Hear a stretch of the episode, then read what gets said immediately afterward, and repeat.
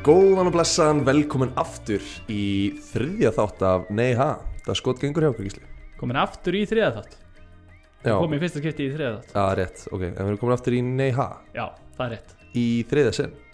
Já, aftur. Já, aftur. Hérna, við þökkum bara alla kella fyrir allan stuðningin og allt peppið sem við fengið fyrir hérna tvo þættina Já, þetta er búið að vera Við erum búin að fá alveg frábæra viðtökur Og Já. hérna, kannski gaman að segja fyrir því að Ef að fólk er að fíla þáttina Endilega bara henda kannski nokkurum svona stjörnum Á strákana í ratings Og segja vinnu sinum frá.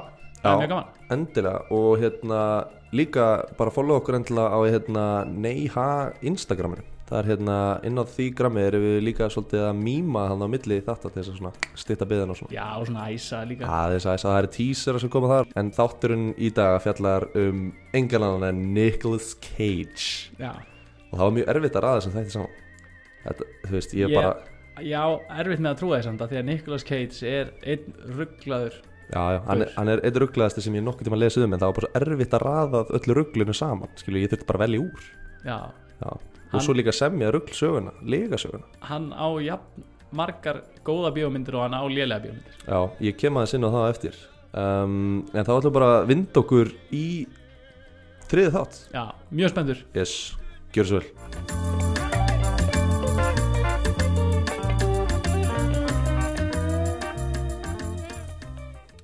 Ok, Gísli, ég var að segja þér hérna Ég var í vinnunni Og ég vinn með rosalega mikið að miðaldra konum Þú veist svona að hjúkurunfræðingum og eitthvað Það sem fyndi með miðaldra konur er Alltaf þeir að fá sér eitthvað svona góðgæti Eitthvað svona súkulaði eitthvað svona Þá er alltaf svona þess að sé stelast Þess að það sé svo vondar eitthvað svona ó, Ég ætti nú ekki að vera að fá mér eitthvað. Og, Mm. og hérna, ég sat hann við borðið Og kom ein konan Alveg upp við eirað á mér Og kvíslaði inn í eirað á mér. Já, kannski maður fái sér bara einn. Og ég var svo fucking creeped out kannski maður bara fái sér bara einn súkulaði þetta var svona leyndamál á milli mín og hennar. Þetta var Já. klika skrítið óþæritt Já, hún var hún svona búin að brjóta ísinn með því að, að segja þið lindamálið já, þú veist, það er bara meðaldra konur sem gerir þetta. Ímynda er að það væri að vinna á bara bifverkstæði og þá kæmi einhver svona gæi bara ætla að fá sér kleinur Gamli, ég ætla bara að fá mér einn kleinurring Arnar, ég vildi bara láta það vita, ég ætla bara að fá mér hérna snúð. Ég, má, ég má nú Já, þetta var bara svona, bara alveg upp að eiranum svona aftanfrá, skilju. Tegði sér svona yfir öxlina og fekk sér eitt mól, það, þú veist, klikka á það rétt með þér. Já þetta er svona afternoon delight. Svona hálfpartinn á spítaranum elska lægið leit með þér en herru, vindum okkur í þáttin um Nicolas Cage. Já, Nicolas Cage er hérna mjög fræguleikari og já. það ætti allir að vita hver hann er Það er en, spurning sko fyrir hvað hann er eiginlega frægastur. Já, true. Sko ég hérna setti niður nokkra myndir sem fólk ætti að þakka eftir eins og National Treasure Já, Gone in 60 Seconds Con Air og Raising Arizona. Þetta er allt góðar bíómyndir Já, hún gleymir einni risa. Nú. Face Off Já, með John Travolta. Já, einmitt, Face Off. Hún var Klikku- risa mynd Já, hún var líka reysa Allt geggjað myndir líka. Hann á náttúrulega ógeðslega mikið að lélu myndum líka. Já, Og hérna uh, Vissuru að Nicolas Cage Hét Nicolas Coppola Og er ítalskur? Nei, sko Mamma hans er Systir Francis Coppola sem leikstir í Godfather Og Nei, ha? Já. Og hérna og leikstir náttúrulega líka Apocalypse Now. Þannig að hann er bara nátengdur inn í eina stærstu kvikmyndafjölskyldi heims en hann breytti nafni sinni í Nicolas Cage til þess að vera ekki með þá byrði á sér til þess að vera bara eigin að- til þess að þurfti ekki að lifa undir nafninu eins og hann gerði heldur ekki. Nei, ég meina hann var á sínum tíma sko tekju hæsti leikari í Hollywood skilur, en hann gerði það á sínu eigin nafni. Já, Nick Cage, hann, hann bjóti sinn feril alveg á Cage nafni Óháð því að- frændans væri leikstjóri Godfather. Já, og hann breytti nafni sínu sem hann fekk frá hérna Luke Cage sem er hérna eitt svart, svört ofurhétti Já, hann fekk bara Cage þaðan. Þannig að ég veit ekki það er frekar steikt sko en hann hefur átt sko alltaf mjög skrítum feril. Uh, og núna er hann eiginlega bara að leika í ykkur bokki nautuðu myndum sko. Já, og hérna hann, hann er nú búin að gera það í smá tíma samt. Já, þetta byrjaði alveg á því sko að hann skuldaði skattinum 12 miljónum bandaríkjadala í óskilum skatt og ég færði yfir á íslenski krónu það er 1,4 miljardur íslenski krónu sem hann skuldaði í skatt. Sem hann borgaði ekki skatt. Já, sem hann skuldaði, og bara IRS var bara on his ass. Þegar hann var í high rise semast bara Já, þetta gerist 2008 í hrunnu þá vill skatturinn fá peningis það er bara eftir National Treasure. Sko. Já, já, hann, þú veist, hann líka bara þú veist, þetta er bara versti tíminn, mögulega að fá svona skulda á sig sko. kaldanslegt að bíómyndir heitir National Treasure og svo var það the National Treasure? Skattpenningar bandaríkjamanna? Já, um, en hann er núna að tala inn kongur straight to DVD og er búin að vera að leika þess að skulda sér og gengur bara ágætlega en, hérna, en það er bara svo klikka gaman að fara í gegnum hvað komun á hann að stað sko, okkur hann er þessi rugglega gæði sem hann er. Um, en það sem ég fyndi er að hann hérna hann er með tvö sitt fyrir besta leik ha, tvö Óskarsvælum svo er hann unni tvö óskarsölu Já, DiCaprio er bara með eitt og hann var bara það sko. Þú veist, Nick Cage er með tvö Óskarsvelin fyrir besta leik og hann er líka með þær myndir með leggsta rating á Rotten Tomatoes. Hann fekk einu sinni á einu ári sem sagt Ro- Rotten Tomato 95% rated fresh og eitt sem var bara 23% rated rotten á sama árinu þannig að leikið tveim bíómyndum og þeir voru bara það mikið. Þannig að hann er með metið í að vera með myndir sem eru mest apart í að vera geggjar og vera hræðalegar já, en hann hefur fengið tvö Óskarsvöld Nick. Þannig að hann er alveg frekar legit leikar sko. hann er bara, hann dælir út svo miklu drasli að það er svona, skanski hann er bara vinnuð þjarkur og segir sjálfur sko, hann bara elskar að vinna. Og að einhverjum ástæðum þú ert leikari þá er það bara neikvætt að vera gett hard working þannig að það er alveg góð punkt í honum sko. hann er bara ekki picky. Já, ekki að byrja á þessu. Hérna, Nicolas Cage hann elskar, elskar, elskar myndasögur. Og hérna, og hann leik í myndasögu að þú veist, hann leik í þetta mynd sem er byggt á myndasögu sem heit Ghost Rider já, og hérna, og hann var með áður en að myndi var tekinu upp tattu af Ghost Rider á hendinni. Nei. Og þeir þurfti að kofara upp tattu hans út af því að Ghost Rider myndi aldrei verið með tattu af Ghost Rider nei, það hendinni. mjög skrítið þannig að hann var með það áður en hann leik Í myndinni? í myndinni. er þetta ekki hann að myndi þegar hann er hann einhver beinagrind sem að er að brenna eða eitthvað Jú, jú, með, með hérna, hann er eitthvað á mó, móturhjóli mótihjóli með haus sem er Fyrir, ég þekki ekki myndasöguna sko, hann er með eitthvað svona eitthvað keðju sem hann er eitthvað að já, negla ég í man eftir að sé þess að myndi tímann bara á mánudeginum eftir þjóðatíð þetta er svona, e, þú veist þú myndir ekki að horfa á hana á öðrum dögum. Nei, góð mynd í þingunni maður um, en hann hérna sapnaði líka myndasögum. Hann átti eintak af comic book number one sem er hérna fyrsta myndasagan þar sem Superman kemur fyrir. Já, og elskar Superman. Og þessi, þessi hérna, myndasæði talið sko klikka verðmætt eða þú átt hann í mint condition. Og hérna en þessari myndasýri var bara stólið úr mannsjónans í LA já bara þessari bara, já, hann var bara með þetta bara til sínis já, hann var bara með þetta til sínis og þeir var bara stólið úr mannsjónans og Nick Cage var bara miður sín en tryggingafélagið þeir kössuðu kallin út og kiftu myndasýrina og hérna kefti bara nýja sagðast það. Nei, nei, nei, hann bara, þeir gáði hann bara pening já, já, já, bara, Bara- hann, var, hann var bara búin að tryggja bara- andarsblæði Já, sitt. já, bara bara tryggja það bara upp á hellingspening. Ok, um, En svo bara eftir tvö ár þá dukkar þessi hérna, myndaseri upp í þætti af Storage Wars þannig að Discovery Channel þættirum þess að þeir finna bara þessi er svona auction Já, auction þættir það sem er eitthvað svona feiti gaurar að bytta á eitthvað svona já, storage. drast og fundur bara comic booki á Nick Cage bara í beitni, bara í sjómvarpinu nei, og bara þessu skila til hans. Bara akkurat þetta bara, bara hans. Hans tímarit, já, fannst. Af það er eitthvað serial number eða eitthvað á sig, ég veit ekki en það, þetta var bara hans. Og hérna, Nick Cage var bara klikka sáttur. Og sagði bara, já, ég vona bara að þessum rosalega verðmæta hérna, erðagrip verður skilað til það sem hann var heima. Uh, en það var náttúrulega pínu complication að tryggingafélagið átti teknilega þetta, þeir eru já, búin já. að kassa hann út sko. Já, en hann dílaði við hérna tryggingafyrirtækið og náði að kaupa hann tilbaka og eignaðist aftur myndasöguna og hérna og seldi hann svo strax á tíu sinni minna hann, hérna, hann, þessi, hann var bara búin að vera með eitthvað geðað public bara eitthvað svona bara þessi erðagripur ómeðalegur og, og fekk að kaupa þetta aftur að Tryggingafélaginu. Og sneikaði bara. Já, sneikaði bara, seldi strax á, á hérna 2 miljónu bandarækjumdala Nei, Kefti þetta á 200.000 hverjum selda það í Auction Wars? Nei, ég hef ekki, ekki hugmynd sko, en bara pældi hvað pyrrandi fyrir gæjan sem kefti storage unitið og, og hérna var bara með 2 miljónur í bankanum en Nick Cage átti það bara. Já, það er þungt. en Nick Cage er svo rugglar, hann elskar fokki Súbmann sko, hann bara elskar, elskar Súbmann og öll comics book. Og hann elskar Súbmann svo mikið að hann skýrði frumburi sinn, sonin sinn Kal-El eftir Súbmann þannig að sonur hans heiti Kal-El. Nei, Jú, hann- heitir hann bara Carl L. Cage? Kal-El Cage. Nei, Jú, hann heitir Kal-El Cage. Það er bara fokkin heimskulegt Og hann heitir náttúrulega Nicolas Cage Eftir Luke Cage Og svo heitir sonur hans Kal-El Cage. Það er bara fokkin hann neita er alveg bara gjössanlega grillar Já, já. Hérna, sko, mikið af þessu sögum fjalla um Bara svona Bara insane spending habits hjá Nick Cage veist, hann var eins og ég segi bara einn hæst launaðasti leikari í Hollywood og gæinn veist, ég held í alveg að hann væri frá sem í ríkri fjölskylda hann myndi svona vita sem einhvern veginn að fara með peninga sko.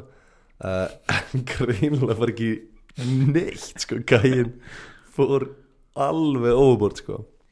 og hérna Nick Cage hann er mikill, mikill dýravinnur og er, veist, ógeðslega mikill áhuga maður bara um dýr hvort sem þessu lifandi eða dáin uh, og hérna hann átti hákall krókodíl fullt af ógeðslega dýrum hundum kefti kolkrabba fyrir 150.000 dollara.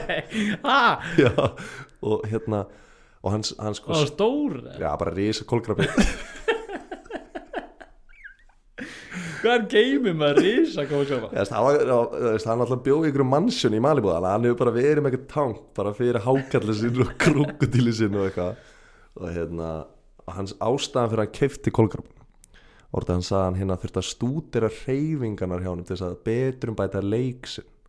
Ætla, ég veit ekki hvort það hafi verið afsökut þess að afskrifan á skattir þetta er svona eins og einhver svona líka sem svona segir eitthvað mömmu sinni eða eitthvað Já. svona. Hann segist að það var bara einn klukkutíma að horfa á kolkrabban og kolkrabbin var bara eitthvað og hann var eitthvað að fara að nota þetta sem leikari sko. Og hérna en þetta stoppar ekki hana. Hann hérna hann kifti líka tvær King Cobra svona snáka. Eitthuslöngur já svona eiturslöngur um, sem eru alltaf klikka hælli sko. þeir eru ein eitraðasta slöngutegund í heimi. Uh, hérna um, þetta voru svolítið ekkert venjulegir King Cobra snákar þeir voru báðir albinós þannig að þú veist þetta var svona tveir hvítir svona King Cobra snákar bara eitthvað þú veist.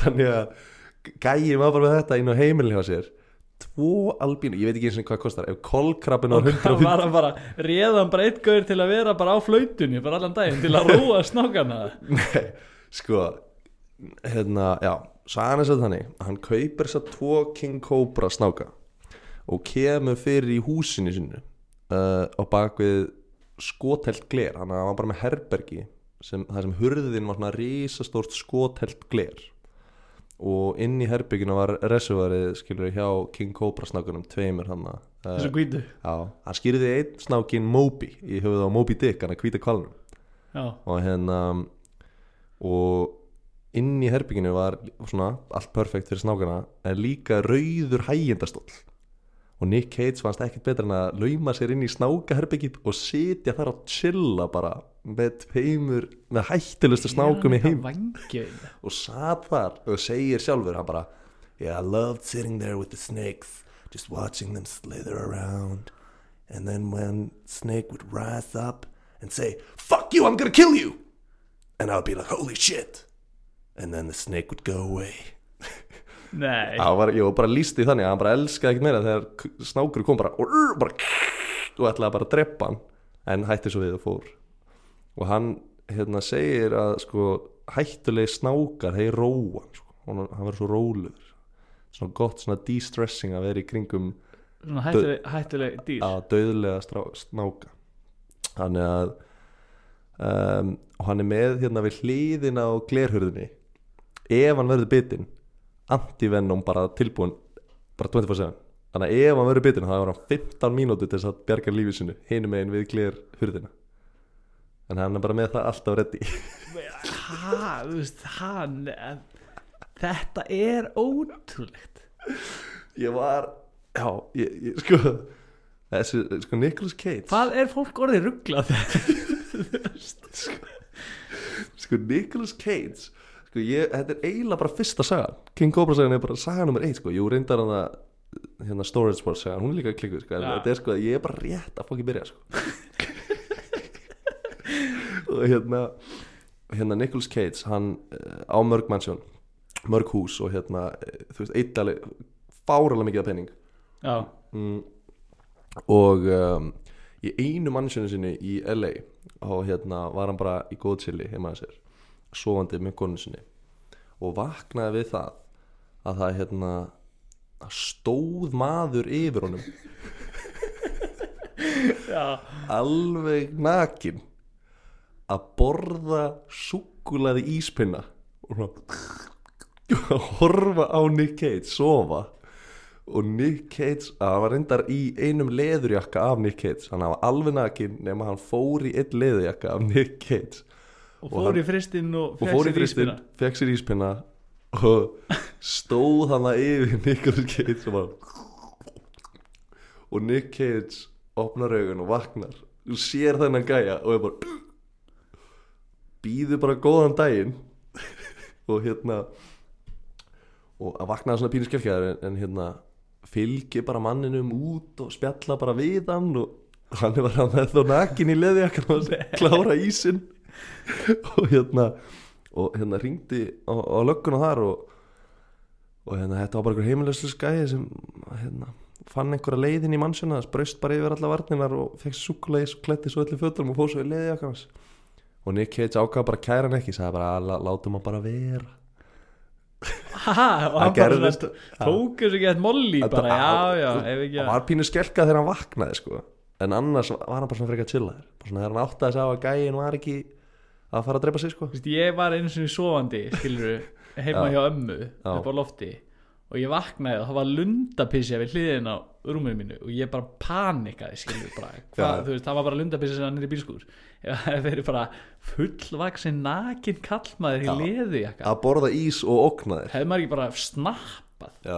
hann bara, "Nei, góðan daginn og bara, Já, þetta er svona maður sem fer inn í kóbrabúr til þess að chilla þannig að já kannski fannst hann þetta bara geðið hann næst sá eina kópuru bara alveg við rúmið og það fannst það bara vinnalegt besta við sko hérna kóbruslengunar er að þegar hann hérna var að reyna að réttlæta þessi kaup fyrir skattinum þá sagði hann hérna hann hefði kift kóbruslengunar til varnar sem lífverði. Ha, og hérna að það var einhver kóbruslengur sem björguð honum þarna þegar hann braust.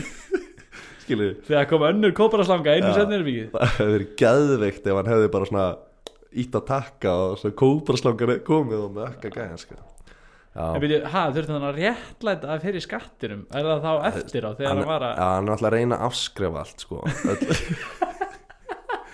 Nei, er það aðtryggsið Bókaldstryggs já, já, þú veist eitthvað svona að reyna að þetta sé ekki bara eitthvað sem hann eitti bara peningum síðan, þetta sé eitthvað svona eitthvað svona Já, expense. eitthvað svona sem maður getur skrifað á Já, á fyrirtæki. Já. Sagði að tvær albinóa kóbraslöngur væru lífverðir hans. Já, að það er náttúrulega innskattaðir Já. Að hérna en uh, þú bendir rétt lág á hann að hérna Nicolas Cage leik í stórmynd Face Off Já, ég hérna ógeðslega langt sér ég sé þessa mynd ég held í alvörni ég sá hana 2002 sem er fimm árum eftir að hún kom út en þá var hann ennþá frekar veist, þá var hann alltaf komin að DFT en fólk var ennþá að horfa á hana, sko. já, já, þetta er geggjum mynd sko Þetta er svona, eh, svona eina af þeim myndu sem ég man eftir svona ungur að hafa séð og svona, Já. þetta var svona og ég, og ég var alveg svona, wow, þetta er góð mynd. Já. Sko Nicolas Cage og hérna, John Travolta uh, voru alveg heldur góða félagar. Uh, urðu góða félagar 97 og hérna voru heldur góða félagar hérna, lengi eftir þetta. Og hérna og þeir voru báðir svolítið að glíma við alkoholism þannig að þegar þeir jömmuðu saman þá var ekkit, þú veist, ekkit rosalega gott að vera að gerast. Og hérna sem betur fer hérna, þegar þessi saga gerist þá var ekkit svona ógeðslega mikil upplýsingöld þú veist, það var ekkit bara myndala símar allstaðar en þeir voru þannig í kringum aldamáttin á 2000 að hérna að gamla í Vegas og drekka tveir saman að djamma. Mm. og hérna voru hann í Caesars Palace er bara eitthvað legendary frækt hérna, ah, ég verið þar. Já verið þar? Stemming. já, þeir voru þar í eitthvað svona high rollers hérna VIP borði og eitthvað. Já. og voru að gamla uh, alla nóttina og þeim gekk alveg freka vel. Voru bara John, John Travolta og Nick Cage. Já þeir tveir. Lappin í spilaði meistar og þeir, þeim gekk alveg freka vel í byrjun kvölds. Og voru að gamla og voru í bara blackjack og poker og rulletinu og voru bara og þeir, með þeim fylgir bara læti skilur og sérstaklega Nick Cage veist, John Travolta. Með slöngunar En hérna en það endaði þannig að þeir drukku sér svo ógeðslega fulla að hérna að Nicolas Cage byrjaði að ganga verð og verð og hann hérna endaði á því að tapa eiginlega öllum peningunum sem hann var með á sér. Bara hann tapaði öll og bara alveg blankur.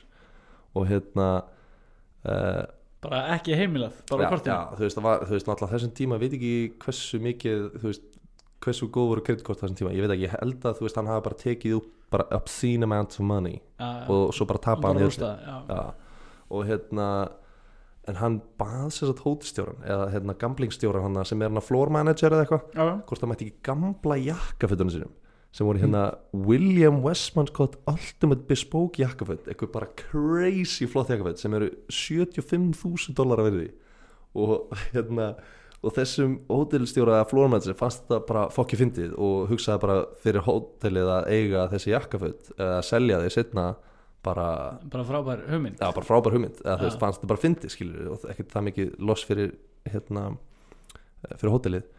Og þeir voru að spila hérna Craps sem er hérna teningaspili sem maður sér eiginlega alltaf Já, hérna, já. í myndunum eitthvað.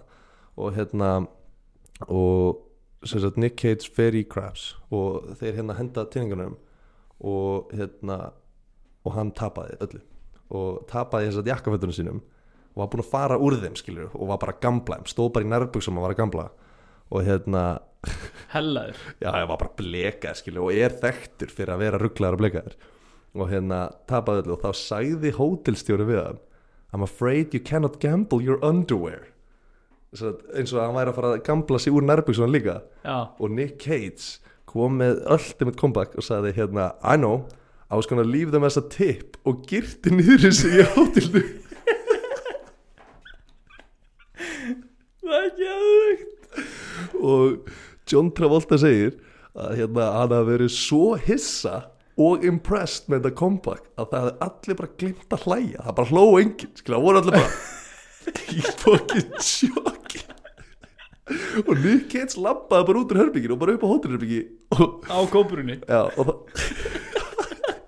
og, og hérna John Travolta segir að, að þegar hann fór úr herbygginu að á fyrst hafa hann dáið úr hlátri sko. Hérna, one of his fondest memories of Nick Cage þetta er, þetta er ótrúlegt. I was gonna leave it as a, as a tip. En hérna Nicolas Cage hann hérna lísti sjálfur sér í æsku sem hérna svolítið anarkista. Þess að hann sagði að hann væri bara svona þú veist, vildi bara eitthvað svona brjála free for all society eitthvað svona. Að það kemur ekki neitt á óvart og, og var svona gjössanlega rugglaði gæi og hérna og gemdi hérna að hella magna af svona psychedelic sveppum í ískapni og það er alltaf bara með póka af hérna svona sveppum. Já, og hérna kötturna sem bjóða í íbúðinni hann elskaði sveppina. Og að, að hérna Nicolas Cage eigi sögn var alltaf að komast í sveppina var alltaf að komast inn í ískap og köttur Alltaf komast inn í ískapin hjá honum og borða sveppina og köttur hans var alltaf bara tripping balls. Og einu sinni kom hann heim á kötturinn komin inn í ískap búin að háma í sig hálfum boka sveppum. Af ofskyninu áskennir sveppum og Nicolas Cage að bara það er ekkit annað í stöðinni en að bara joina kissana og hann hérna uh, hámar í sig hérna fullt af uh, sveppum með kissunni og ytti svo næstu þremu klukkutímanum í að hérna stara kísuna niður horfði bara á kötti sér í þrjá klukkutíma. Með, og hérna og, og sagði svo að hérna að eftir þrjá klukkutíma þá fattaði að hann var bróði minn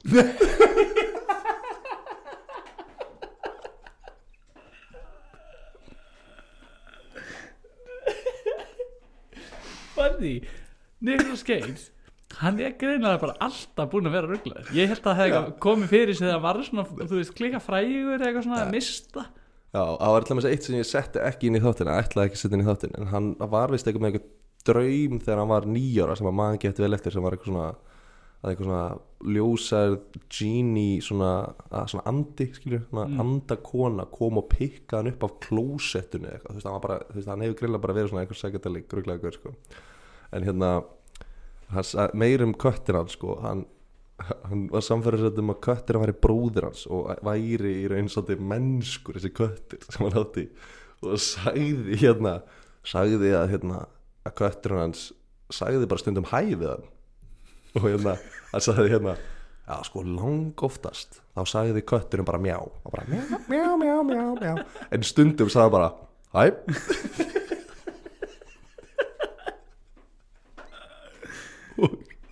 var hann að segja bara frá þess? Já, bara í viðtalið þá bara sagði hann hérna, já, ég bara gaf hann stundu sartinu og hann bara, hæ blessar þá bara, já, hann var eitthvað skrítin þessi köttur, sko, gatist sagt hæ. Svo, hæ en ekki bara mjá já. Já, já, en hérna mann hefur alveg séð svona ketti sem er að spjalla á YouTube.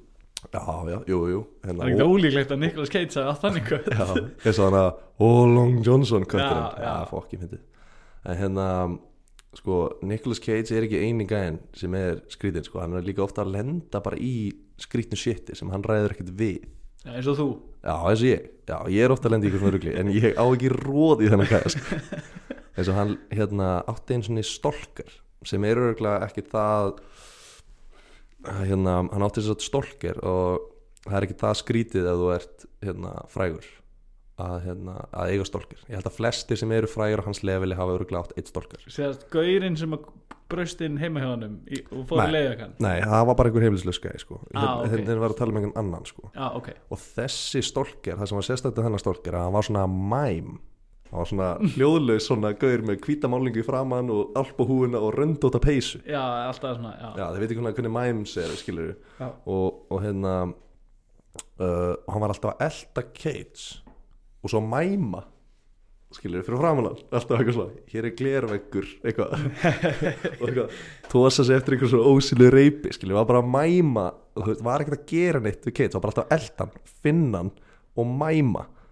Og, og svona stundu bara horfa á Nicolas Cage skilur, bara einhver ógeðslega óþægilegur creepy mæm sem var alltaf hann og einu sinni hérna þegar Nicolas Cage var að vinna á bíómynd þá komst mæmarinn fimm sinnum inn á sett og var þannig á settinu bara eitthvað að- að tósi í reypin og búa til einhver er bara einhver ótrúlega múf og hérna það endaði þannig að öryggistöldin fekk sérstakt verkefni, bara sérstakt bracket sem sá bara um það að passa að engin mæms nálægt Nicolas Cage. Skilur, það var bara sér deild sem var bara passa það Mime Police. Já, bara mime police. Bara að passa að á einhver tímpúti þá má vera mime í kringum Nicolas Cage.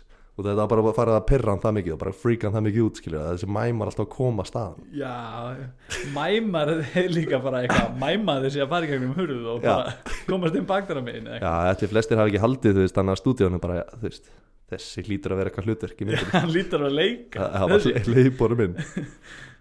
En hérna það er sem sagt komir ekkert eitthvað ógeðslega mikið óvart þegar ég var að lesa að ég komst að því að hérna að Nicolas Cage og Charlie Sheen eru rosalegir félagar. Já, það, vá, það kemur ekki neitt á óvart. Nei, þeir eru svolítið buds og hérna hafa hendi Charlie Sheen, Two and a Half Men. Já, já, sem sagt uh, Ti- Tiger Blood uh, gæn gamli góði. Já, sem er þekktur fyrir bara að neyslu kókains já, og, og rugl. já, hann, hann kóinaði frasan hann að winning sem er hann að winning eitthvað.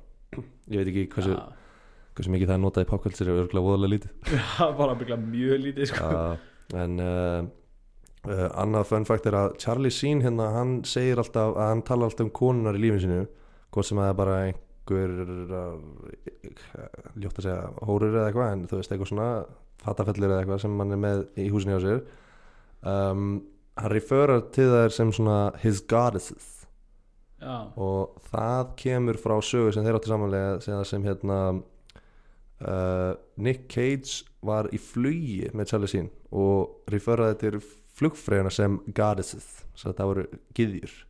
Og var það Nick Cage sem Já, sagði Nick Cage sagði það og Charlie Sheen fannst þetta svo geðveikt að hann bara allar konur hérðan af mun voru kallar goddesses út af því að Nick Cage sagði það einu sinni í flugi og hérna þetta flug var svolítið mikið rugl hjá þeim tveimur.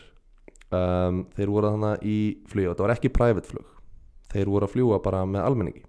Kannski voru first class eða eitthvað en þeir voru allavega bara, bara, í já, já, bara Euro, Eurojet eða eitthvað já, þú veist, þeir, voru, þeir voru kannski ekki með EasyJet en þeir voru kannski svona, þú veist örgla first class, eins og ég segi. En þeir voru þannig bara með, með skítu á almúanum skilur, að fljúa og hérna Nicolas Cage fannst fokki fyndið að standa upp í vélni og grípa í kallkerfið það sem hérna uh, það er hérna garga uh, fyrirmælinn þannig skilur "Já, please be seated welcome aboard this já, já, 364 United flight já, já.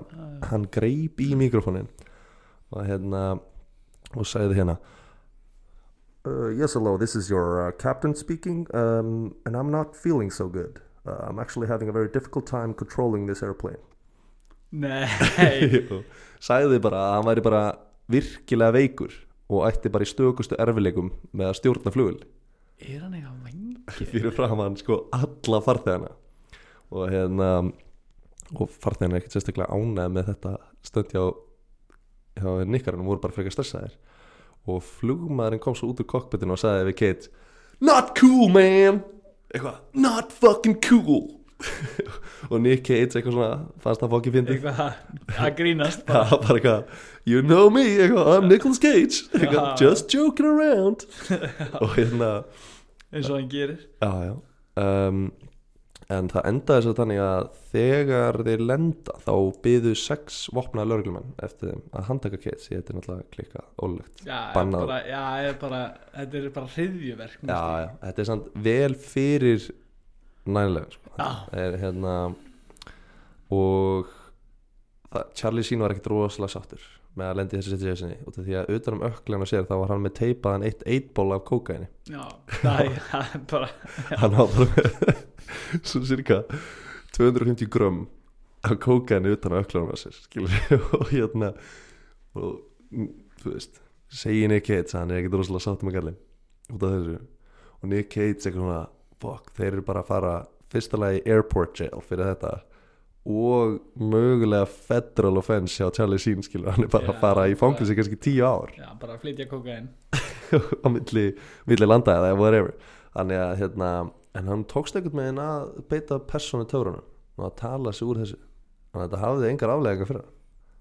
Bara, já, hann bara eitthvað sjarmaði löggun hann eitthvað, tók nokkra leikra stala, ég veit ekki hversu frægur hann var henni ég náði ekki alveg að pinn på þetta hvenær þetta var sko. En, uh, en hérna, hann bara spjallaði sig úr. Já, góður í, kjáltunum greinlega, ég meina ég aldrei, hann er aldrei stræka með svona, svona, svona sjarming típa sko. Sko ég, þetta hefði náttúrulega eiginlega átt að vera hann er ekki svona gæi sem þú veist, Nei, myndi fara á date með eitthvað strax. Með, sko ég hefði í raun vilja sem ég hafa hann þátt bara vídeo þátt sko. þú veist þetta því að það er svo mikið að klippu með honum. Það sem að er bara bila þú veist þú getur ekki fatta þetta nema þú sérð vídeon á honum.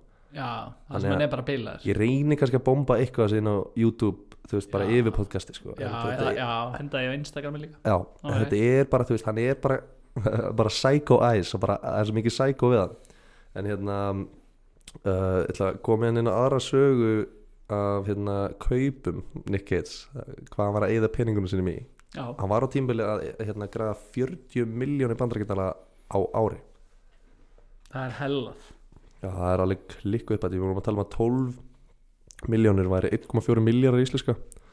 Þannig að hann var að græða næstu í fjóri sem það.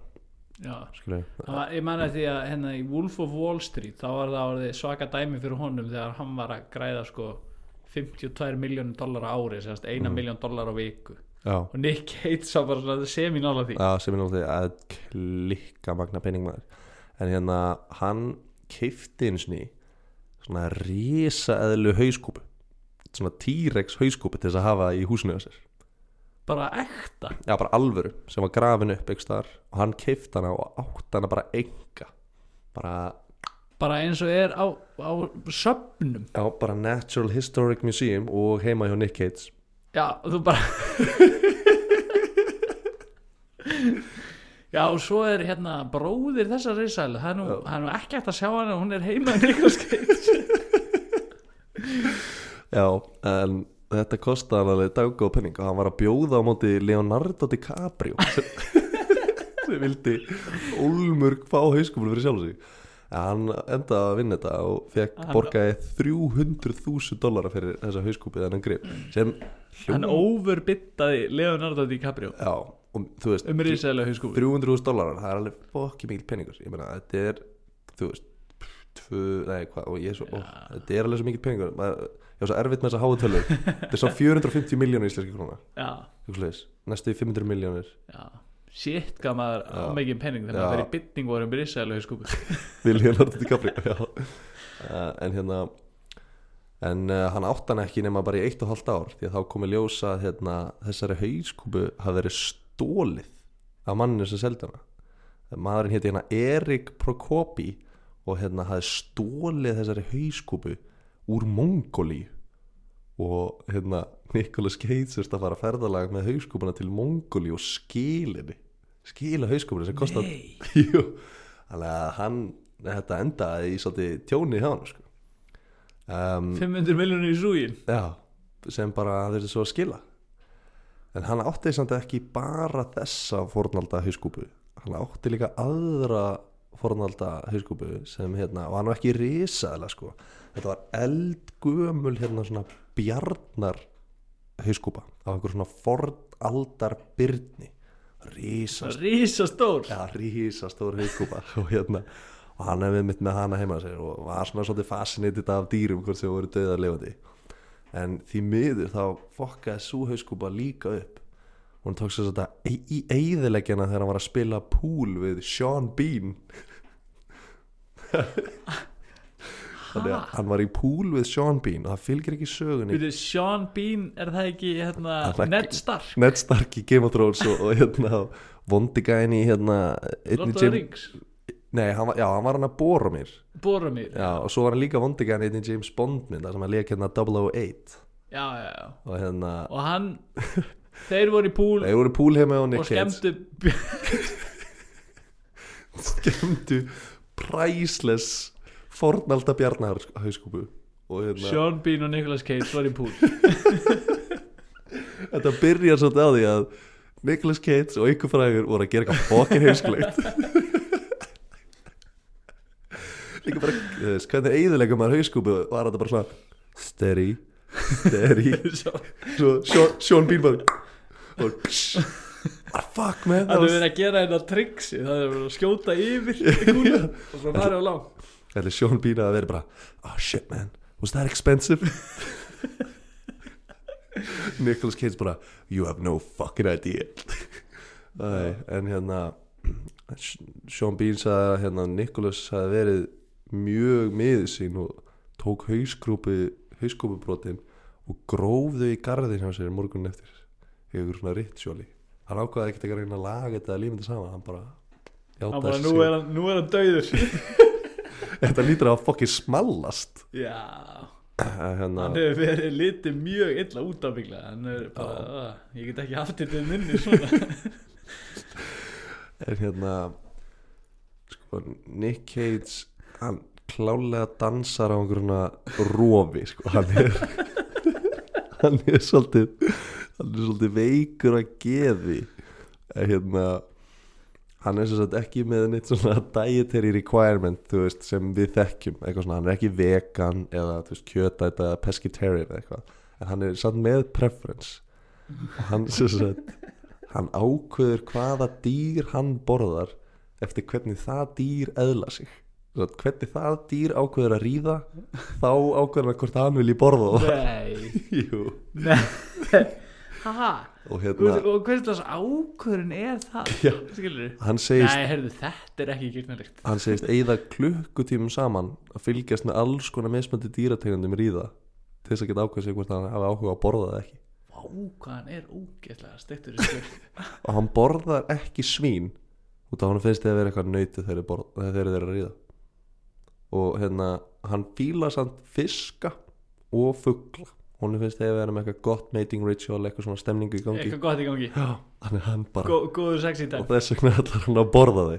Já, já, ég veit ekki hvað lókikinn kemur þannig að hann er ekki með neinn trúalega ástæður ekki neitt. Þannig að bara grísa þig ekki séðan Kentucky, bara bring it. Já, hann bara fílar ekki hvernig svín bara get down and dirty. Það er Nei, eitthvað þau gera mikið að því. En líka þú veist fokk maður, ef ég var eitthvað að pæla í mat eitthvað svona mm, að, ætli ég alltaf að borða nautakjöt? Og myndi svo horfa okkur að naut ríða eitthvað belgi þá var ég bara Beint í salat, sko. Eitthvað, eitthvað, ef ég var að horfa tvö svín ríða bara og fá svo bara beint bacon eftir það bara, góður sko.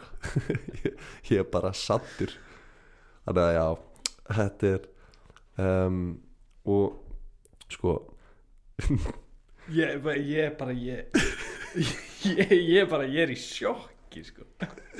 Það var svo ógeðslega erfitt að velja úr sko. Að það eru svo marga sögur ég er ekki að fara að rati þetta fokkin podcastina en hérna ok um, Nicolas Cage fræg og fræða penning ég, ég er búin að segja nokkra sögur so far það sem gæin er bara að spending money like crazy. Og hann hérna hann mætti í eitthvað talkshow hérna í Breitlandi til þess að promóta eina myndina sína sem heiti hérna Wild of Heart a, a Wild at Heart. Já, og hérna þeirra stegu sig, þetta er bara svona classic talk show Jay Leno þetta er bara svona classic eitthvað svona Jay Leno dæmi, skilur og þegar hann hérna stegin og svið, bara hljóp inn bara, þú veist hvernig þetta er, þetta er bara svona sofi bara svona þægileg stemning, hann hljóp inn og tók heljastökk bara og bara tók bara tillaup og bara bombaði sér. Og hérna, og mikrofónun hans bara fauk af honum, skilur lenda hann á gólfinu og svo fór hann svona upp að krátinu og var svona karate kicka allt krátið.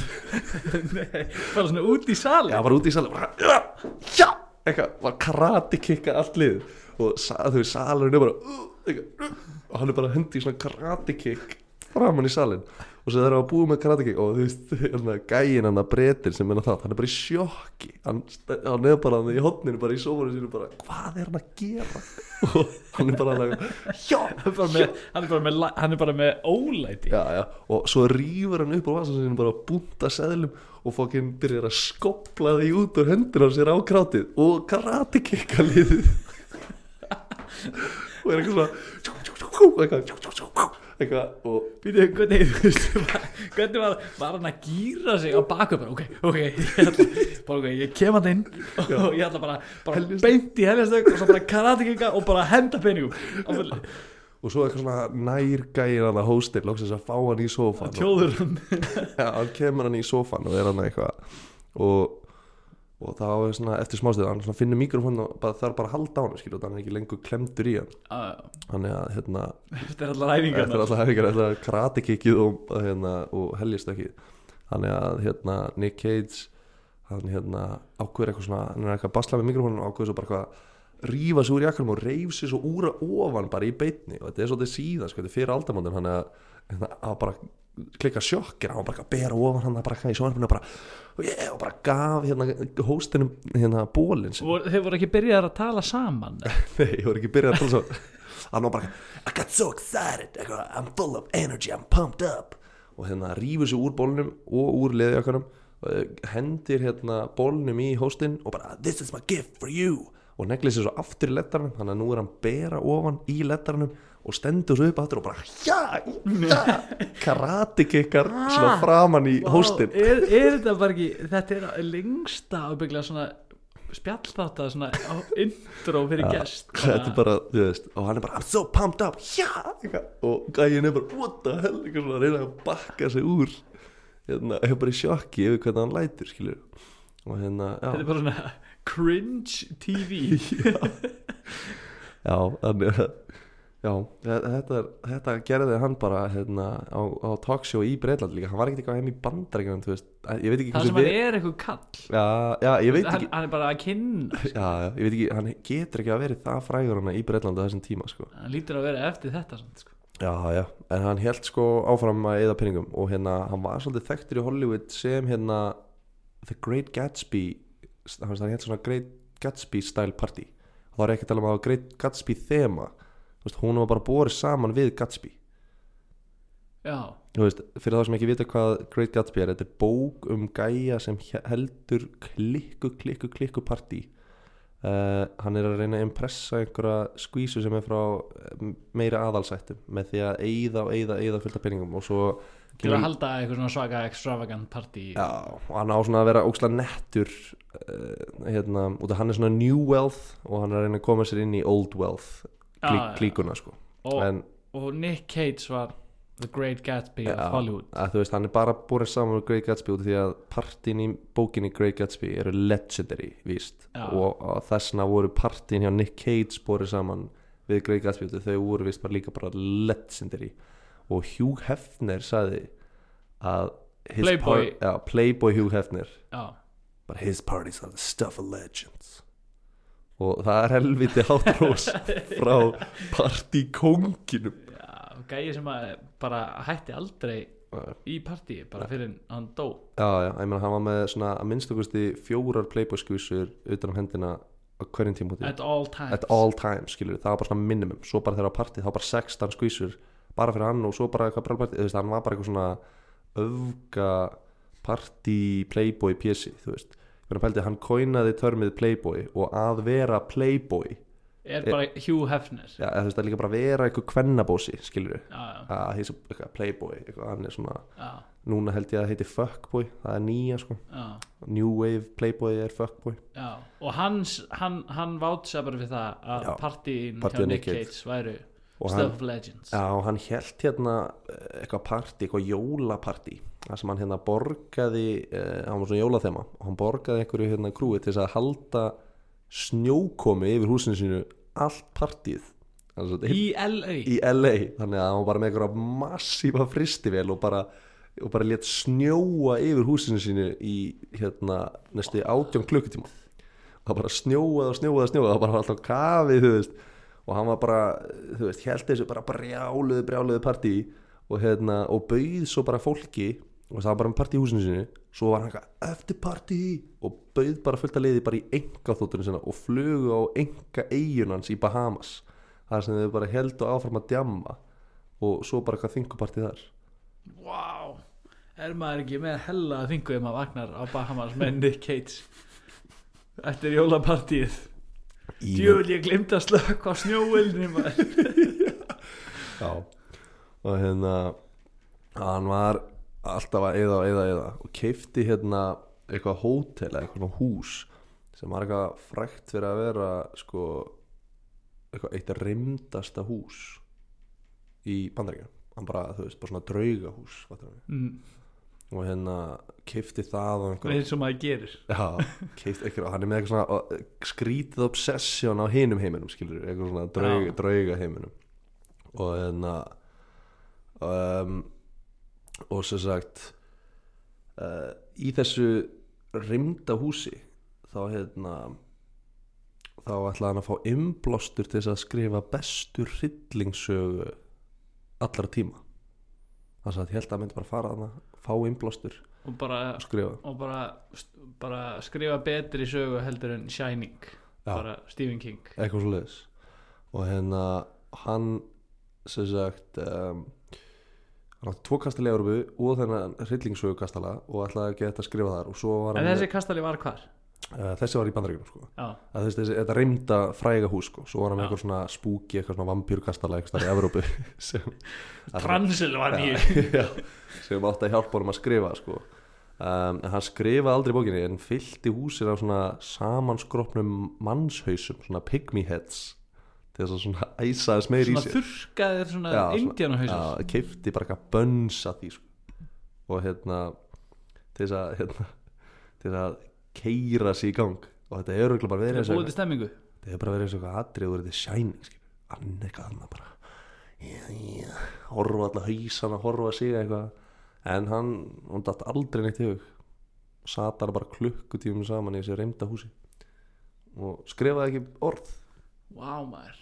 Hann, hann lítur að vera með eitthvað svona þú veist, svona þú veist, hausin á honum örfast ekki við sama og hjá mér og þér þegar þú ert komin á það stað að þið veist róandi að vera kringum tvær albín og eitislengur þá getur ekkert farið að ætla að fá einhvern innblástur í draugahúsi sko. ég glimti líka að nefna eitt sem hann finnst svo róandi við þess að snáka sko. um, er að hann var einu svona vinna á bíómynd á setti og þeir voru með eitthvað svona snákatrið og áttu bara að vera eitthvað gummislanga eða eitthvað. Og hann eitthvað svona myndi róa mig svolítið fyrir tökuna eða geti, geti komið eitt svona copperhead sem er bara einn eitrasta slangategund í bandaríkjur það var ekki ekki að fá eitt svona copperhead right now og svo að þeir voru bara já, reddu því bara hann, held bara á alvöru fokkin klika eitri slöngu í þessu atriða sem hann er bara yeah, og segir bara að þegar hann er í svona intense situationi að þá hægist af allir sko. og hann er bara rólur.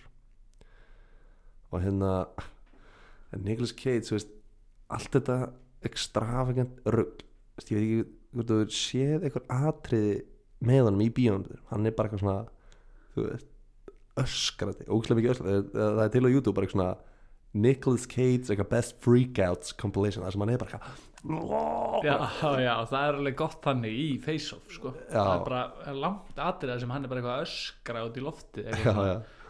já, já, og hérna hann er með eitthvað svo góðsagna kendan titil á internetu bara svona hann er einn mest mýmaði leikari allra tíma. Já, bara interneti elskar að hann er bara endalust mým potential. Já. og, og eða jarmari. Já, jarm á íslensku. Fyndið? Að, að mým er jarm á íslensku. En, uh, og ef þið fýli jarm þá endilega kikið á Instagram okkar. Við, við að öðru? Aðri, já, við erum svolítið að jarma þar. En hérna en ekki bara er hann frægur uh, á internetu heldur eru sumir á internetu hann er með cult following sem telja Nick Cage vera guðlega.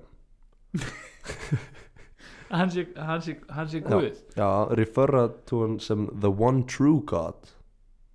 Og hérna sumir halda hann sér sko ódöðlegur út af því að þeir fundi ykkur eldgamla mynd af ykkur svona gæja sem er alveg eins og Nick Cage skilur, bara svona lookalike. Eitthvað 300 ára gömul mynd þannig að hann sé þú veist time traveler svo, já, já, bara, og hérna og þeir, sem sagt, þetta er hérna hann er með subreddit á reddit sem heitir hérna The One True God. Og í því þá, þetta hlýtur eiginlega að vera satire sko, en hérna, það stendur þar um, hann er til að að The One True God uh, og það stendur hérna uh, This is a subreddit dedicated to Nicolas Cage, the deity. Here we worship and collect all content relating to the cage through which we hope to discern his holy word. We welcome all as the Lord would, but still fight against the temptation of John Travolta. Come, come and hear the truth. Og trúabræði er kallað cageism.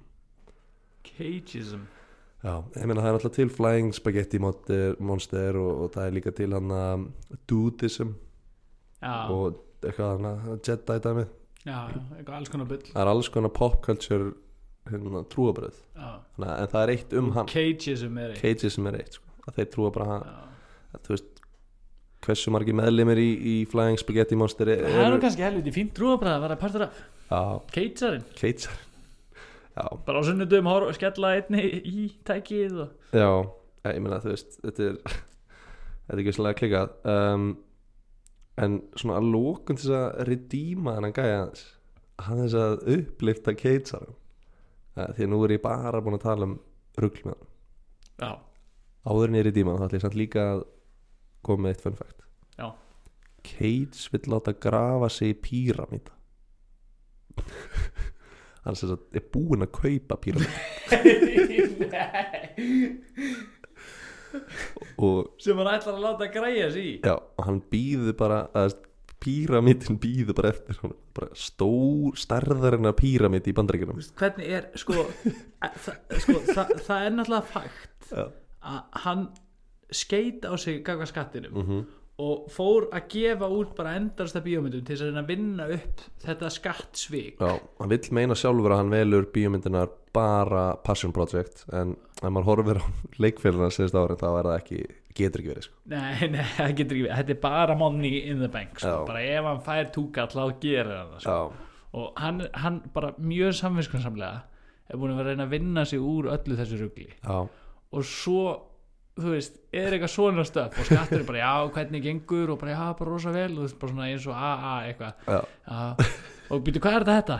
Já, þetta, þetta er hérna þetta er hérna eh, píramíti þú veist. Ha, býtu, voru ekki búin að tala um þetta? Já, þetta bara, þú veist mér langar bara Já. að eyða þú veist, ævinni þarna skilur Já. þú veist, já, því sem ég eftir ólifað ég með mad respect fyrir Nick Cage þú veist, hann, sérstaklega út að mér var svo fyndið með þetta að hann hérna var með koppal á nafnið en ákvað að beila þig og búti sér degið reputation. Já, en hérna, og ákvað frendar slítur að vera veginn já en hérna, já, svo lokafæktið þess að redeema kallinn er að hann er titlaður af Forbes Magazine sem gjafmildasti leikari allar tíma og hefur engin annar leikari í sögunni gefið meiri góðgerastarfi Nick Cage í alveg Já, og hann hefur líka verið mikill ambassador í hérna human trafficking og hefur unnið mjög góðlátt starf í hérna að móti human trafficking. Uh, sam og Asen Kutcher er búin að gera en Asen Kutcher reyndar vinnur svona í svona subbracket. Hann er svolítið mikið að vinna á móti human trafficking og á móti hérna barnanýð já, en það eru fleiri leikar sem er í einhver svona, svona máli sem skipta virkilega máli sko. og Nick Cage er búin að gefa hann til dæmis gaf miljón bandrikidala til hérna Hurricane Katrina victims bara úr eigin vasa.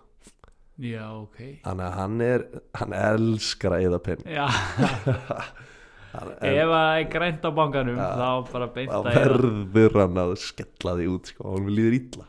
Ég held að, ég held að hann fíli stressi að vera með skattin á heilar þetta hann fílar Já. allt annað stress skilur já. þetta er eins og að vera með skatturinn er í raun og veru svona nútíma Eiturslanga. fyrir honum. já, ákveðlega en hann er samt búinn að borga helmingin af skuldinni. Já, af þessu 12 miljónum pældi því.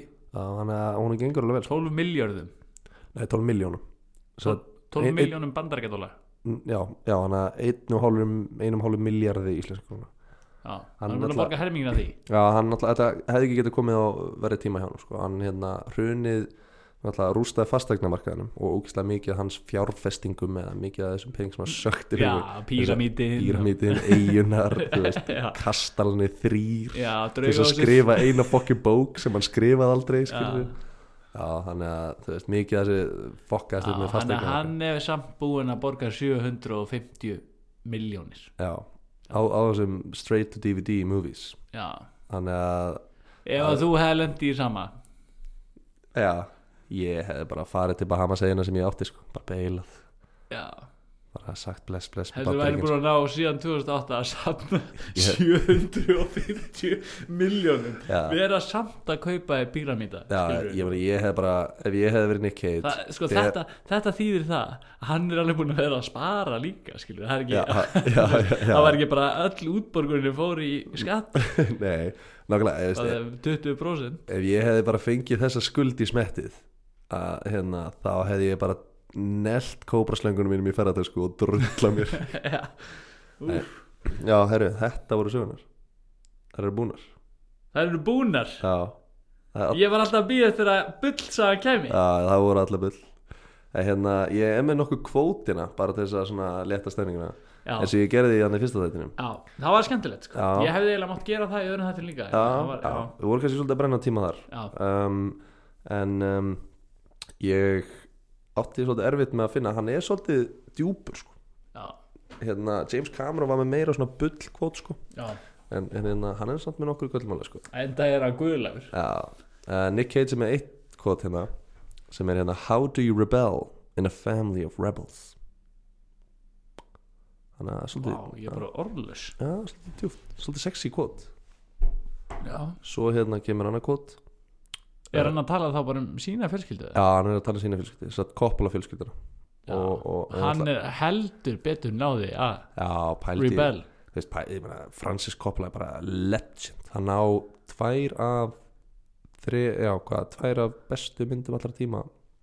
Er það ekki fyrst á annarsæti Godfather? Eða er hérna Já, ég held að, eitthvað svo leys Allana, topp top 5 já, já, rosalega myndir. Og náttúrulega Apocalypse Now líka keðvik Já, en svo erum við annað kvotina Every great story seems to begin with a snake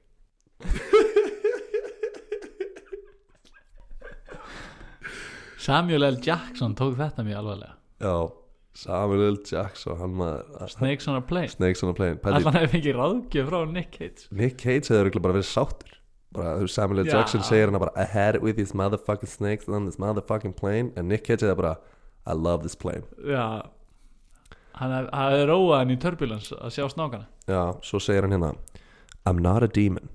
I'm a lizard, a shark a heat-seeking panther. I want to be Bob Denver on acid playing the accordion. Það er, það er ekki eins og nægt að brjóta þetta kvót niður Nei, ég bara, þú veist, maður bara svona þungur í grill, hausnum grillar í mann heilan bara að heyri eitthvað svona bull. Ég gæti ekki lifað í hausnum á Nick Cage í þetta Vá, ég maður er sjóveik og bara strax. Já. Um, Svo hérna skrifa hérna I'm not afraid to play ugly. Just look at adaption. I look like a turd that the cat had coughed on Og hérna Ég hérna glimti að þess ég reynda að beila einni sögunni en mér finnst svona svolítið gaman að tróða henni inn. Ætla að tróða það inn bónussögu að hérna Nick Cage. Nú kemur hún. Já, nú kemur liga sér Nick Cage hérna hann sem sagt fekk ekki fulloristennur hann var bara eitthvað með badnatennur eitthvað svona galli. Þannig að það þarf að draga út badnatennar til þess að leifa fulloristennunum að komast út Ok, og, og hann var að byrja að leika skilja, hann var eitthvað með badnatennur uh, og hann var að fara að gera hlutur hann var að leika hérna Vietnam veteran sem var allir út í eitthvað svona grísjum í andlitinu eitthvað svona bandage eitthvað í framann og hann sagði neitaði að láta taka af sér bandagein í þrjá mánuði. Og, og til þess að finna fyrir því hvernig hann væri að vera disfigured þannig að held allir að hann væri bara disfigured. Uh, og hann let líka tósa úr sér barnatennar sem eitthvað sem þurfti að gera hvort þið er. Á þessu tímabili? Já, en hann bað tannlæknum að sleppa því að nota deyfir til þess að hann geti bara fundið fyrir sásökunum Gjörsamlega rugglaður já, og svo var hann bara að drepast í kjaftinum og, bara eitthvað eitthvað með sárafundir Já, sárum þetta í þrjá mánuð bara, eitthvað bara fyrir einhver eina bíómynd. En já uh, og hann er með annarkvotina Shock is still fun. I will never shut my door on it. Hann elskar sjokk Já, um, svo skrifar hérna I think I've spent more time in front of a camera than off camera. That's just the way it is. Já ég trúi því alveg. Já, hann er að gera tvær bíómyndir á ári og þú veist, flestir líkar að gera svona eina bíómynd annarkvort ár. Já, þannig að hann er að gera Hann- fjóra bíómyndir aðra að gera eina hann er bara eini maðurinn í Hollywood sem er duglegur að mæti vinna Já, og hann með hérna eitt kvót hérna Money does not buy you happiness but it does buy you a whole lot of shit that can make you smile.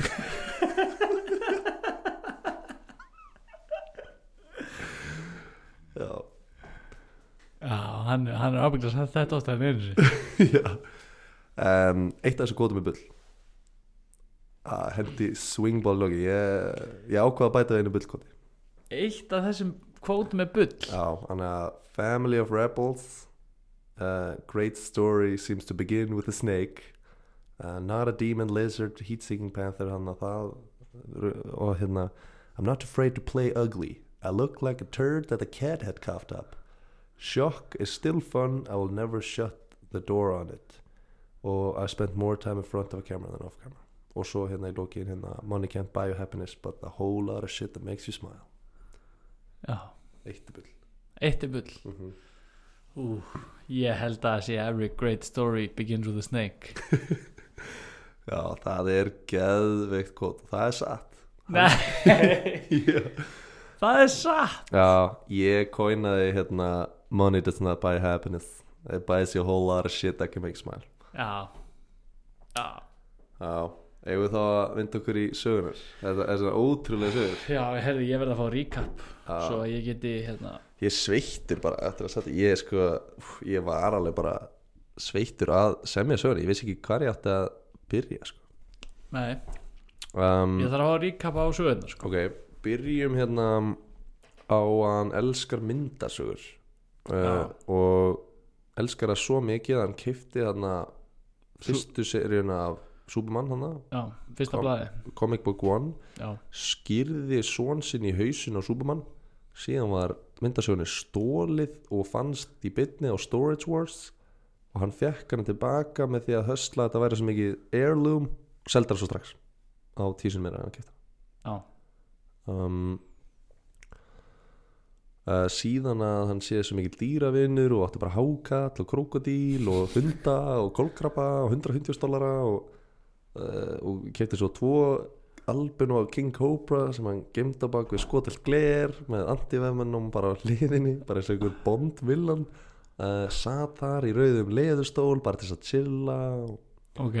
og hérna já, og held því fram að snáka róa taugar hans. Ok, og, ok, og líka þarna átt að fylgja með hann þessi copperhead snákur sem hann baða bara um að fá að sett bara til þess að róa sig. já, já síðan vaknaði hann eins og í heimilinu sinu og það stóð bara einhver ókunnur heimililluska í í og borða súkulæðís og stara bara á hann. Já, síðan var hann að gamla með John Travolta og gamlaði jakkafötunum sínum. Og svo skilaði nærbuksunum sem tips. Já, að þú veist var sem sagt svolítið móðgæður þegar hérna hótelstjórin sagði að hann mætti ekki gamla brókin sinni þannig að hann gyrta henni sig og skilaði eftir sem tips. Ok, það var kompakið hans sem sagt. Um, svo var hann hérna átt hann sveppi, sakildaleg sveppi með köttinu sínum og eftir þrjá klukkutíma af eitthvað stare off við köttin sem var líka búin að geta sveppi þá fattaði hann að þetta væri bróður hans. Uh, og kötturinn sagði líka stundum hæ. Bara blessaður. Um, síðan átt hann stolker sem var mæm og var alltaf að elda út um alltaf að mæma í kringum hann og það var komin sér lögregla lögjast Já, að að það var engin mæms nálegt honum á einhverju production. Já, securityð var sérstaklega með svona bara mime task force sem þurfti bara að var með það verkefni að passa að kemi ekki helvitis mæmir að setja þess að fokk í leikarnum. Ok, uh, síðan var hérna Nicolas Cage og Charlie Sheen saman á hérna í flugvel þar sem hérna Nick Cage stalst í hérna Kallkerfið. kallkerfið og sagði að flugmaður væri svo veikur hann geti valla stjórna vélinni. Já, og hérna uh, já og uh, þar sem sagt var Charlie Sheen með 8 ból af kókainu möklega sér og þeir náðu með miklu kraftverki og miklu sjarma frá Nick Cage að bara tala sér bara úr handtöku. Já, sluppu bara. Já, og, og flugmaðurinn sagði not cool man. Já uh, síðan kifti Nicolas Cage risaðlega hauskúpu sem hérna sem hann átbyttaði Leonardo DiCaprio. Já, og og, þurfti að svo skila til Mongóli til Mongolíu já. Þetta er allt Og- fokki mikið butt og svo spilaði hann púl við Sean Bean og, og eiginlega hina hauskúpuna sína þannig að hann var hauskúpulaus eftir allt æfintýrið ok, um, síðan mætti hann í spjall þátt í Breitland og var að karate kikk út um allt og henda peningum í í krátið. kráti og láta bara eins og fíbl og rífsúra ofan og karate kikka í kommentatorun bara og það náðist aldrei alveg viðtalið hann. Já, síðan var hann svolítið Great Gatsby hér ruggla jólapartíða sem hann lit snjóa bara í átján klukkutíma og bara var með mest extravagant partí sem hérna Hollywood hafði séð og Hugh Hefner sagði að partíð hans var the stuff of legends. Já. svo hérna er senst að sagja hann að hann er sem sagt með sitt eigi trúabræð og internetið trúir að þeir eru með eitthvað sem heitir cageism. Setja hann í einhverja guðatölu og trúa bara á hann religiously. Já. Það var senst að sagja Já, og í raun, ja, í seinna sagan er í raun og veru það að hann gefi mest til góðgerðamála já, svo, já, svo gefur hann mest í góðgeramála af öllum leikur En það, já, það er svona fakt. Það er, já ég fakta það bara. Já. Ge- gefðu þér það. Já, ég vissi það sko. Ég, ég, ég hef hýrt þetta. Já, svo, svo hendi ég bónussögu að hann var ennþá með barnatennur langt fram í fullanarsaldur og let slíta þær út deyfingalaust Já, var rústaður með Já. Sko, ég, það eru tvær af þessu sem að mér finnst eiginlega að vera max mikið bull sko. já, Það var ein hann af fyrri sögunum Eftir snákasöguna. Mm. Hver kom þar? eftir snákasagan þá kom hérna þá kom naktigæði með súkulæði sin Nei, eftir því. Þá var hérna John Travolta hana gamla í kasínunum. Eftir því. Þá kom hérna kötturinn með sveppin Já, já, já, sko Kötturinn með sveppina Já. finnst mér vera algjör þvæla sko. já, Og já, Sean Bean og Nicolas Cage fara í púl já með hauskúpuna. Með hauskúpuna og brjóta bjardýrið Já, og hann en- grefið það í garðinu tapar tveimur hérna, já, greiða greiða garðinu já, ok, þannig að þetta eru heldur góð gísmaður hérna, þessi tvö sagt. Já, sko, þessi tvö finnst mér vera grillu sko. og hérna, en hérna þú veist Sean Bean og Nicolas Cage eiga einhvern veginn sammeðilegt að vera svona einhvern veginn svona fyrsti gaurinn sem að deyri eða eitthvað í öllum bíómyndum svona, Já, svona, já. sem í svona outcasterinn sko. þannig að ég gæti alveg trúa því að þeir séu félag sko. mm, en þetta með að hann hafi farið í sterdan við köttin sinn á sveppum já. og eftir þrjá klukkutíma komist að því að hann væri bróður sinn. Það er bróður sinn, já, og sagði stundum hæfið hann. Það finnst mér vera algjört bull. Já. Það, ok það er svo fakt. Nei.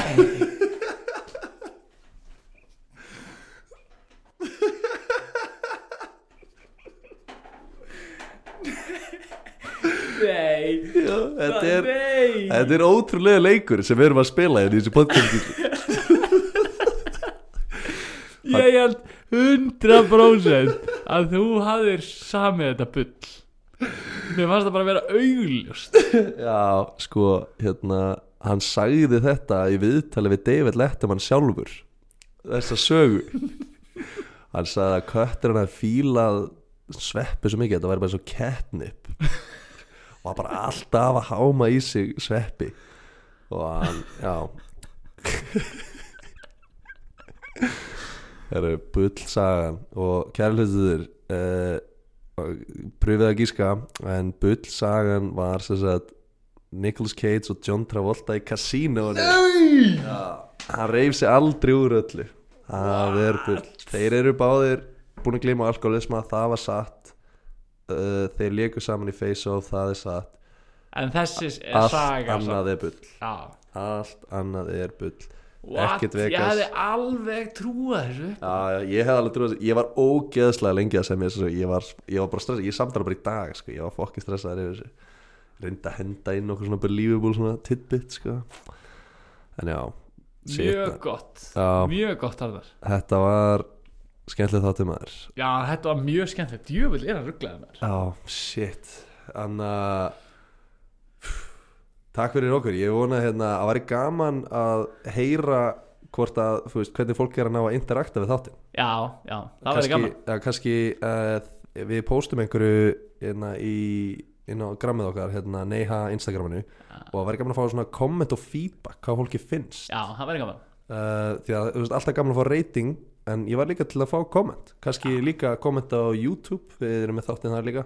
Já, það væri gaman að sjá kannski eruð með eitthvað tilur hvað mætti ganga betur? Já eða það bara líka hægt að henda inn skilur hvernig eigum að- fjalla Já, um. já, Það getur verið fínt að fá hugmyndir þó við séum náttúrulega með nokkar fylgta hugmyndu sko. við erum með góðan lista. En ef þið eru með einhver óskir þá væri gaman að bomba þín Já, það verður mjög gaman. Já, því að þú veist, ég veit ekki alveg hvernig við erum að halda áfram að finna upp hjóli með þessa gæja sko. Þú veist, Já, það þarf að vera, þú veist, á endanum bara finnum við ekki fleiri rugglut alltaf jú, Já, það er endalist til já, að endast Shit, sko. það er bara nokkri hérna á Íslandi. Já, heldur byggður Já, En hérna, þetta fannst mér skemmtilega þáttur. Ég, ég er mjög mikill hérna Nick Cage fan. Já ég er svolítið Cage fan sko. Ég verður ekki horta með Cage nýlega. Eh, Ég, sko, National Treasure Ég horfði mikið á National Já. Treasure sko. Ég fílaði svo mikið National Treasure að ég svona eiginlega fílaði National Treasure 2 líka, pínu, Eitt er náttúrulega Já, Viltu heyra fun fact um National Treasure? já, gott um það. Hérna það voru allir svo ánægð með National Treasure að þeir reyndu hérna svona petition að gefa Nicolas Cage the Declaration of Independence. Og að, skri, að skrifuðu næstu 100.000 manns yfir. Í alveg? Já, undir, það var rétt undir 100.000 sem er lámarki til þess að það fari upp á borð hjá kvítahúsinu Í alveg? Já, það var hérna startað af hérna nokkurum Cage system sem vildi bara hann er búin að vinna svo mikið fyrir þess að hann á bara skilið að fá inn í húsi að segja Declaration of Independence. Já, það hefði nú verið fín sapferð að fara þangað og kíkja á hauskúpuna og... Já, já, það er örgulega ótrúlegt að fara inn í húsi hans. Hann er náttúrulega búin að kötta hans niður eftir að skattir er fór að að heimsækja húsi á Nick segir in its prime skilur Já, hann er magnaði gæi. Og magnaði þáttur. Já, ég laka þetta í næsta þátt. Já, ég, ég er að undirbúa næsta þátt. Að næstu ég- þáttur verið búið gísla. Það er heldur betur að leggja höfuð í bleiti Já, ég er fegin að þurfa ekki að henda strax í að þetta þetta var erfið þáttur að setja saman Gæða eitt maður, takk fyrir mig. Takk fyrir okkur